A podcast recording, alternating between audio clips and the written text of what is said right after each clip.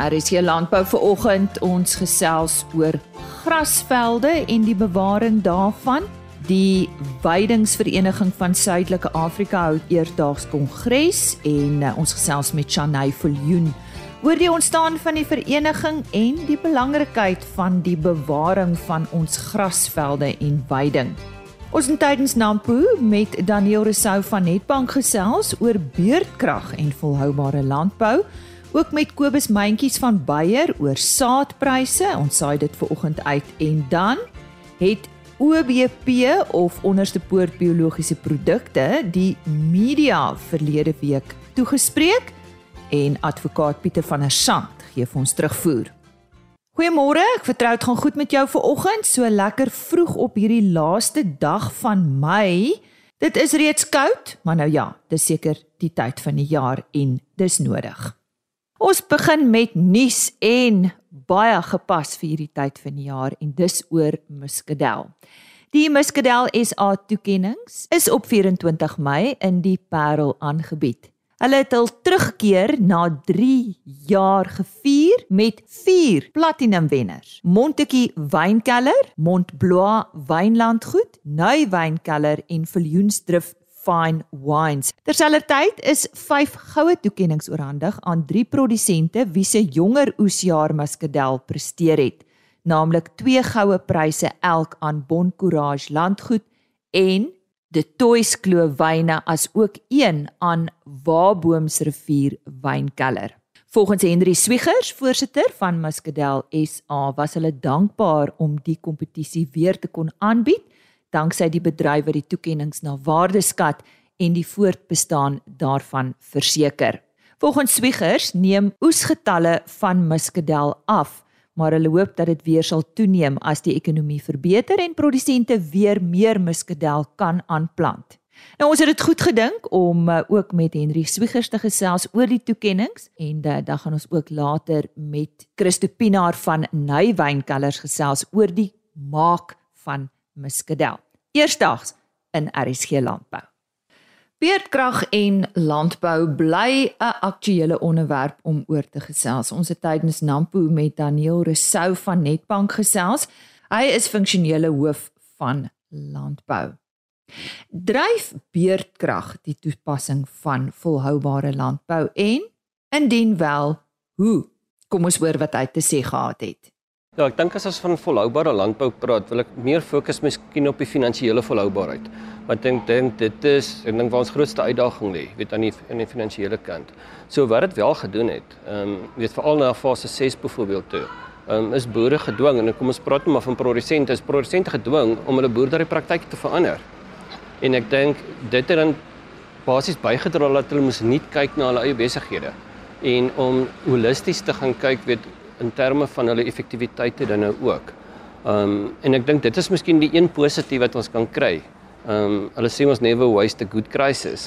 En ek dink ons het dit gesien met die droogte in die Weskaap ook daai tyd, weet 'n um, paar jaar terug, wat boere gaan kyk het om hulle hele produksiepatroon te verander, hulle produksiepraktyke te verander, meer effektiwiteite in te bring. En ek dink dit is die groot voordeel wat ja, as dit 'n voordeel kan noem wat beerdkrag ja na die boerdery sektor toe gebring het. Wat is die effek van ons huidige energiekrisis op Suid-Afrikaanse landboubesighede? Ek dink dit is massief en ek dink dit word heeltemal onderskat. Ehm um, as ons praat van landboubesighede, dink ek moet ons deur die waardeketting praat. Ehm um, en dan die hele die hele aanbodketting. Want as ons vat ons is 'n netto uitvoerder van van landbouprodukte en die meeste is dit dan ook hoë waarde produkte maar wat ook bederfbaar is. Ehm um, en om daai koue behoefte te kan handhaaf deur die hele ketting, dink ek is vir ons 'n geweldige groot risiko. Ons het dit al reeds gesien in die vrugte um, bedryf byvoorbeeld, wat vrugte van baie swak kwaliteit in in Europa aangekom het of weet om binne in die uitvoermarkte dan nou as gevolg van die verbreeking van die koue ketting. En ek dink dit is 'n baie baie groot probleem. Ehm um, wat ons nog nie heeltemal deur die ekonomie gesien het nie. As ons gaan kyk ja na die einde van die vierde kwartaal in 2022 2022 het ons al reeds 'n uh, verlaging gesien in in in landbou se groei en ek dink dit sal interessant wees as ons vir jaar gaan kyk in die eerste kwartaal. Jy weet of daar enige weet verandering is na die negatiewe kant toe in terme van landbou se se bydrae dan, um, weet of se groei. Ek weet dat op hierdie stadium is van die besighede se kant af is die die sentiment nie baie hoog nie. Inteendeel, dit is heelwat laer as wat dit 'n jaar terug was en wat 100% toegeskryf kan word aan aan die impak van beerdkrag in die deur die hele waardeketting. Belangstelling in sonpanele het 100% toegeneem. Maar hoe effektief sal sonpanele wees in die opwekking van krag? Ja, ek dink dit is ook 'n vraag wat jy kan positief en negatief antwoord. Ehm um, sonpanele op sigself lewer 'n baie beperkte bydrae, dink ek tot volhoubaarheid. Um, weens die feit dat ons nog steeds beerdkrag het. En as jy net pan, op, op panele ehm um, weet staat maak, ehm um, en dat jy het beerdkrag, ehm um, beteken die panele eintlik niks. Ehm um, ons kort stoor vermoë. En op hierdie stadium dan is die batterye nog ongelooflik duur. Dit is eintlik die helfte van 'n projek. Is se koste is is die van batterye. Ehm um, ek weet tegnologie verander baie vinnig op dit. Ehm um, weet wat positief kan wees. Maar op hierdie stadium dan om sonpanele volhoubaar te kan gebruik, moet jy dan staat maak op ehm um, op um, ek gaan nou maar 'n Engelse woord gebruik. Nee, kom ons noem dit kragopwekkers. Ja, ek wou nog sê generators, maar kom ons sê kragopwekkers wat ook duur is. Ek bedoel ons brand diesel. Ehm um, en die die prys van diesel in terme van energie is 5 keer ehm um, van elektrisiteit self as ons gaan kyk na sonpanele. So dit is geweldig duur. So ek dink die die tegnologie gedeelte moet tog baie verbeter en dit moet meer bekostigbaar word vir sonpanele om ek dink volhoubaar binne te gebruik kan word um, binne die hele energiestelsel. Tegnologieontwikkeling in landbou kan die behoefte aan meer energie verlig. Maar watter impak het beerdkrag op tegnologieontwikkeling? Dis eintlik interessant, um, want tegnologie is redelik wyd. Ehm um, maar miskien moet ek net op twee goed fokus. Ek dink om dit makliker te maak um, tegnologie aan die hernubare energiekant en dan miskien tegnologie in terme van jou produksiepraktyke. Ehm um, as ons gaan kyk na byvoorbeeld 'n besproeiingsboer, die die tegnologiese vooruitgang wat ons in die laaste jaar of twee gesien het in terme van besproeiingstoerusting om water vinniger, meer effektief te kan toedien om jy's as gevolg van beerkrag. Ehm um, want ek dink dit is ons grootste risiko. Jy weet so in daai geval dink ek het sien ons baie groot tegnologiese vooruitgang weet in die terme van van besproeiing. En dan as self van die hernubare energie kant. Ons sien byvoorbeeld dat ehm um, batter, batterye word goedkoper, hulle effektiwiteit word ook beter. En sonpanele se effekt, um, effektiwiteite word ook beter. So ek dink uit daai twee oogpunte uit ehm um, speel tegnologie baie groot rol en ons sien dit al reeds weer deursyfer ehm um, binne in die landbousektor. Maar dan as ons kyk na ander tegnologieë ehm um, weet in terme van om jou boerdery meer effektief te bestuur. Ek weet ek dink nie weet beerkrag speel 'n rol nie. As ons gaan kyk byvoorbeeld na nuwe tegnologie in terme van ehm um, inset toediening en en selfs ehm um, stroopers, oes en weet so aan. Ehm um, ek dink dit is iets wat die hele tyd met ons is en wat elke jaar in elk geval verbeter, ja. Daniel Rousseau, funksionele hoof van landbou by Netbank wat vanjaar tydens Nampo met ons gesels het oor beerdkrag en volhoubare landbou. Insetkoste in die saadbedryf vir die afgelope paar jaar met rasseskrede toegeneem. Dit het ook saadprystoenames tot gevolg gehad. Kobus Mentjies van die Saad en Gewasreus Beyer het 'n eh, perspektief hieroor gegee. Ja, ja, ek dink die vraag rondom ehm um, die saadpryse die laaste paar jaar Die die saadpryse het eintlik relatief min gestyg. Dink dit was maar so gemiddelde 5% rondom inflasie prysverhogings wat ons gehad het die laaste paar jaar. Ongelukkig het ons nou vir jare redelike groter prysstygings gehad en dit is so in die omgewing van so 21%. Dit het uit die aard van die saak 'n um, impak op boere se winsgewendheid en en hulle insetkoste.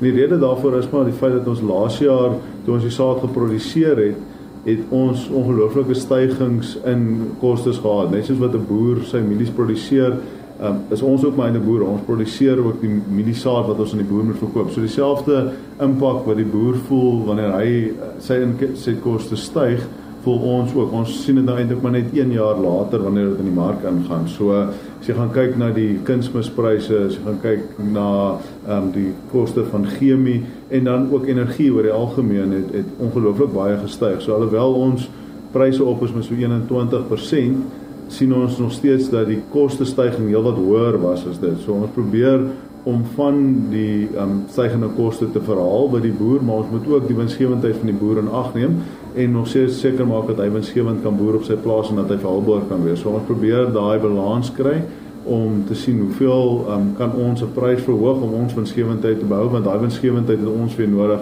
om terug te belê in ons ontwikkeling van nuwe tegnologie. So dis maar die balans wat ons probeer vind en om daai waardeproposisie nog steeds vir die boer op die plaas te hou terwyl ons ook nog um, 'n um, winsgewende besigheid kan bedryf. Ons hoop dat die prysverhogings in die toekoms nie op dieselfde orde grootte sal wees nie. Ons het reeds gesien dat goed soos die graanpryse besig om af te kom. So dit is maar die basis waarvan af ons mieliesaadprys um, ook uh, bepaal word is maar die die graanpryse groot invloed. Ons sien dat kunsmispryse is besig om af te kom en dan ook van die ander um produksie insette is besig om af te kom. So ons glo dat die die saadprysverhogings meer na normale vlakke sal terugkeer volgende jaar. En uh, die aard van die saak is ons nou besig om daai berekeninge tans te doen. Ons gaan een van die dae begin om ons uh, volgende jaar se saad te plant. So ons sal sien wat die impak is, maar ek glo dat die dat ons dan terugkom na meer normale vlakke en, en rondom inflasie um, behoort ons hopelik volgende jaar weer prysverhogings te sien in die saakplant. Dit was 'n gesprek wat ons gehad het met Kobus Mentjies van Beyer tydens vanjaar se Nampo en hy het gefokus op saadpryse. Ons vind vandag meer uit oor die Weidingsvereniging van Suidelike Afrika. Hulle hou ook uh, in einde Julie kongres en uh, ons gaan meer daaroor uitvind. Ek verwelkom graag vir Shanay Viljoen, sy's president van die Weidingsvereniging van Suidelike Afrika of uh, soos hulle dalk beter bekend staan as die Grasslands Society of Southern Africa. Shanay, dankie vir jou tyd. Verduidelik vir ons presies wie is GSSA of die Weiningsvereniging van Suidelike Afrika? Goeiemôre Lise en goeiemôre luisteraars. Ja, so in 19 ek gaan net sommer so 'n bietjie van die geskiedenis vertel. In 1966 het 'n klein groepie wetenskaplikes besluit om 'n vergadering te reël om die Weiningsvereniging tot stand te bring omdat hulle besef het hoe belangrik dit is um, vir die bestuur van veld en aangeplante weidings van daar het daar jaarliks 'n uh, kongres ontstaan en ons is een van die min verenigings wat elke jaar sowel as deur die COVID pandemie 'n kongres gehou het. En um, dit is maar net 'n bewys dat die navorsing wat op veld en aangeplante weiding gedoen word baie belangrik is. En um, aansluitend daarbey het ons 'n baie hoë gehalte wetenskaplike joernaal um, wat die vereniging publiseer en dit is die African Journal of Range and Forage Science met 'n 5 jaar impak van 2.1. So dit is net so in kort 'n bietjie van ons geskiedenis. Wie is deel van die vereniging as ons sê Suidelike Afrika? Wie sluit dit in? Dis al die lande aan die onderkant ehm um, van van Suid of van van Afrika. So dit sluit nou in Namibië, ehm um, Angola, bietjie hier Lesotho se kant toe, so ek weet nou Swaziland, al daai ehm um, al daai lande. Ja. Wat is die visie en die missie van die GSSA? So die vereniging het baie duidelike doelstellings wat ons graag wil bereik. Dit sluit in om jaarliks suksesvolle kongresse te reël. Ons wil hoë gehalte navorsing publiseer en dit is in ons wetenskaplike joernaal of ons populêre tydskrif Grassroots. Um, ek sal nou 'n bietjie meer oor dit sê. Um, ons wil die fasiliteerders wees wat die wetenskap omskakel uh, na beleide en praktyke. Ons wil bydra tot die ontwikkeling van menslike kapasiteit om veld en weidings um, te kan bestudeer en te bestuur en ons wil ook besluitnemers um, bystaan sodat hulle die skakels tussen ekosisteemdienste, globale verandering, volhoubaarheid en menslike welstand kan verstaan. So ons is nie 'n uh, vereniging wat jy in 'n soliede boksie kan sit nie, maar eerder een wat vloeibare kante het wat alle relevante kwessies rakende veld en aangeplante weidings insluit. Shanay, hoekom is kennis van veld en weiding so belangrik en veral seker vir landbou? So hierdie vraag spruit uit natuurlik uit ons visie en ons missie, maar daar is verskeie redes en ehm um, eerstens is dit vir die be bewaring van ons biodiversiteit. Suid-Afrika se grasvelde is baie ryk in spesiesdiversiteit en daar's verskeie organismes wat daarvan afhanklik is. Grasvelde bied verskeie ekosisteemdienste wat voordelig is vir die mens en vir die natuur, soos net om 'n paar te noem, um voervoorsiening, grondvrugbaarheid, water waterinfiltrasie en koolstofsekwestrasie. En ehm um, koolstofsekwestrasie sluit dan nou aan sommer by die bekamping van klimaatsverandering en dit is natuurlik 'n baie warm uh, onderwerp op mense se lippe heidaglik. Um, en dan spesifiek vir landbou is dit belangrik om by te dra tot die kennis om die land op 'n volhoubare manier te benut en ons wil voorkom dat degradasie uh, of degradering dan nou um, plaasvind. Kyk, selfs selfs vee en wildboere boer eintlik met met veld en aangeplante weidings want dit is natuurlik um die voer wat hulle wat hulle diere eet. So kennis hiervan is belangrik en dit spreek ons alles aan in ons kongres elke jaar. Ja, ek wil graag hier 'n opmerking maak. Ons hoor dikwels iemand sê dit reën, maar dit reën nog nie gras nie. En dit is waar die belangrikheid inkom nou vir ons vir ons oorlewing. Nou kom ons gesels oor daai kongres van julle. Jy sê dit is uh, einde Julie presies. Wanneer en vertel ons meer daarvan? Eh, die kongres gaan plaasvind vanaf die 24ste tot die 28ste Julie by die Umaramba vakansieoord naby Rustenburg. So dit beloof om 'n baie lekker kongres venue te wees. Um, maar dit kan ook virtueel bygewoon word. So na die COVID-19 is ons virtuele komponent wil ek amper sê 'n goed geoliede masjien. Um, en die aanlyn bywoners is altyd baie in hulle skik want hulle voel deel van die in-persoon ervarings. Hmm. So registrasie is tans oop en die um, luisteraars kan gerus gaan loer op ons webtuiste vir meer inligting. Goed, ons sal net nou die webtuiste deurgee. Waarna kan uh, ons uitsien wanneer hulle die kongres bywoon? So ietsie oor die program? Ek uh, gaan so 'n bietjie uitbrei oor die spesifieke geleenthede wat daar by die kongres is. So op die maandag die 24ste is daar ons gewilde research skills workshop wat hierdie jaar gaan fokus op die beheer van inheemse bosverdigting. Hulle gaan die nuutste metodes bespreek om bosverdigting op te spoor, die beplanning daar rondom en dan metodes vir die beheer daarvan. So navorsers, die grondgebruiker en mense wat betrokke is by beleide opstel word dan nou uitgenooi om sommer hierdie um, werkswinkel by te woon. Maar kongresgangers kan ook kies is om die maandag eerder die toer na die Geswane Mountain Reserve te onderneem waar hulle meer sal uitvind oor die bevindinge van verskeie vlei land projekte en dan as ook prakties sal ervaar die uitstekende bestuur van die Noordwes um, Parke en Toerisme Raad daar by die Mountain Reserve. Die maandag aand skop die kongres dan nou amptelik af en ons het dan 'n openingsfunksie waar Prof Bismarck Tiubeka, die fisiekanselier van die Noordwes Universiteit vir ons gaan toespreek. Dan vanaf die Dinsdag tot die Donderdag hou ons kongres en ehm um, daar's verskeie sessies wat nou sal fokus op ek gaan net hulle so gou deurhardloop. Uh klimaatsverandering, bosverdigting, communal rangeland grondbesit en grondtransformasie, uh bewaring en restaurasie, voer en voeding, vuur ekologie, vee en wildbestuur, aangeplante weidings wat 'n baie lekker opgewonde enetjie is um veld ekologie en bestuur. So dis 'n dis 'n mondvol, maar die volledige program um, met die sprekers en die onderwerpe sal ook uh, binnekort op ons webtuiste wees. Ook net gou vinnig genoem van twee hoofsprekers, Dr Elias Simeonakis en Dr Ichon Samuels. Dr Simeonakis van Manchester Metropolitan University sal praat oor die monitering van savanna houtagtige plante groei deur die observasie van die aarde en wat is die toekoms daarvan terwyl Dr Samuels van die LNR gaan gesels oor die International Year of Rangeland and Pastoralist van 2026. En dan laastens op Vrydag die 28ste Julie is daar 'n policy and practice workshop wat wat dan gaan handel oor uitheemse indringerspesies in Suid-Afrika. Wat is die beleide en praktyke daarvan? Hoe word bewaring beïnvloed en hoe om dit te bestuur. So dit is 'n lekker debat na elkeen van hierdie sessies. Klink vir my so. Voor ons nou by die uh julle webtuiste uitkom en net weer al die besonderhede herhaal, dit gee ons uh, luisteraars 'n tydjie om goue pen en papier nader te te bring of hulle selfone vir notas. Uh wie kan hierdie geleentheid bywoon want ek weet daar's boere wat dit doen, né? Ja, so ons nooi die publiek uit om saam met ons te kom gesels. Asseblief, maar gewoonlik navorsers, ehm um, mense wat betrokke is by ehm um, beleide opstel, ehm um, ja, soos jy sê, die boere, enige iemand is welkom om om te kom bywoon en en saam te kom gesels. Nou ja, dit is dan die Weidingsvereniging van Suidelike Afrika of soos hulle beter bekend staan GSSA Grassland Society of Southern Africa.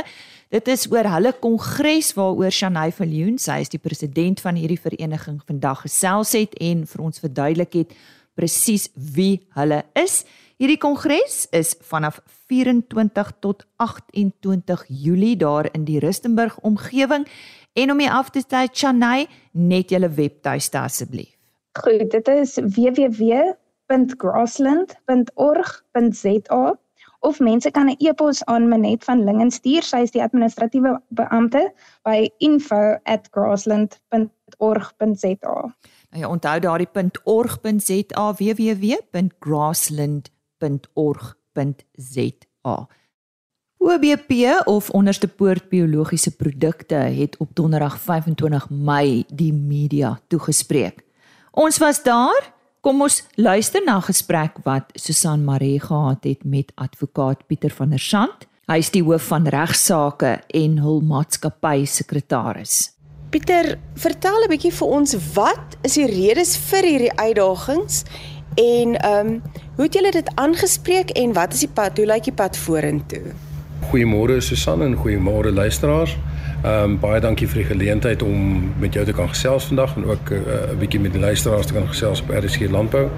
Ehm um, ons uh, as as as OBP ehm um, is 'n maatskappy is 'n maatskappy in staatsbesit. Ehm um, en uh, ek dink 'n 'n kernwoord wat gebruik word by baie maatskappye nie net in Suid-Afrika nie maar internasionaal ook is die Engelse sustainability dan die mooi Afrikaans daarvan is volhoubaarheid.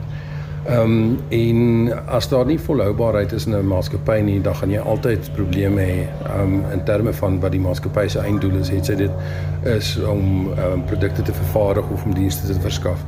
Ehm um, in terme van OBP ehm um, dink ek is dit is dit wel gedokumenteer dat oor die laaste paar jaar ons ehm um, probleme gehad het met ons leierskapskorps. Ehm um, en ons het uitsonderlik hard gewerk oor die laaste 2 jaar om weer 'n leierskapskorps te te vestig. Ehm um, wat ons in staat verder gestel het om dan op ons vervaardigingsaanleg te fokus om sodoende daar probleme te identifiseer en en sover ons kan uit die weg te ruim. Ehm um, dit is ongelukkig nie 'n proses wat net oornag gebeur nie. Ehm um, dit is ehm um, uh, dit is eh, 'n uh, vervaardigingsaanleg wat alreeds um, as ek dit korrek het in die 50s 60s gebou is en ehm um, gevolglik het ons begin met 'n vernuwingsproses om nuwe toerusting aan te koop as ook om bestaande toerusting seker te maak dat hulle op 'n gereelde grondslag uh, gediens word sodat ons wel um, die produksie kan kan kan ehm um, uh, waarborg op die einde van die dag. Gevolglik wil ek net vinnig uh, raak aan 'n deel van volhoubaarheid is ook uh, die mense. Uh, Daar's bitter min maatskappye in Suid-Afrika en teenoor in die wêreld wat kan regkry om sonder mense te funksioneer. En vir ons is dit baie belangrik om die kultuur wat daar in OWP um, is onder ons werkerskorps um te te te te bevestig um en en te verbeter op die einde van die dag. Ons glo baie daaraan dat 'n gelukkige werkerskorps is op die einde van die dag wat wat wat 'n uh, 'n kritiese punt vir ons om optimaal te kan kan kan vervaardig en aan ons mandaat te voldoen om sodoende um vaksines vir die landboumark te te, te verskaf. Ons besef ook dat kommunikasie met belangegroepe is baie belangrik en um, daar is deel van ons van van ons strategiese punte vir die volgende paar jaar is om sodoende ons kommunikasie met die belangegroepe waaronder julle as media um, dramaties te verbeter. En een van die van van die opwindende um, uh, projekte wat ons het wat ons behoorlik kan werk is die die um, ontwikkeling van 'n toepassing. Ehm um, uh, soos die Engelse sal sê 'n app wat ons effektiewelik elektronies gaan probeer om die produk in die sak van die van die boer of van die verbruiker te sit sodat hy enige tyd kan sien waar die produk beskikbaar is by watter ehm um, koöperasie of watter veearts ehm um, praktyk ensovoorts ensovoorts. Dit is dan terugvoer vanaf advokaat Pieter van der Sand. Hy is die hoof van regsaake en maatskappy sekretaris van onderste poort biologiese produkte of, of soos hulle beter bekend staan OBP.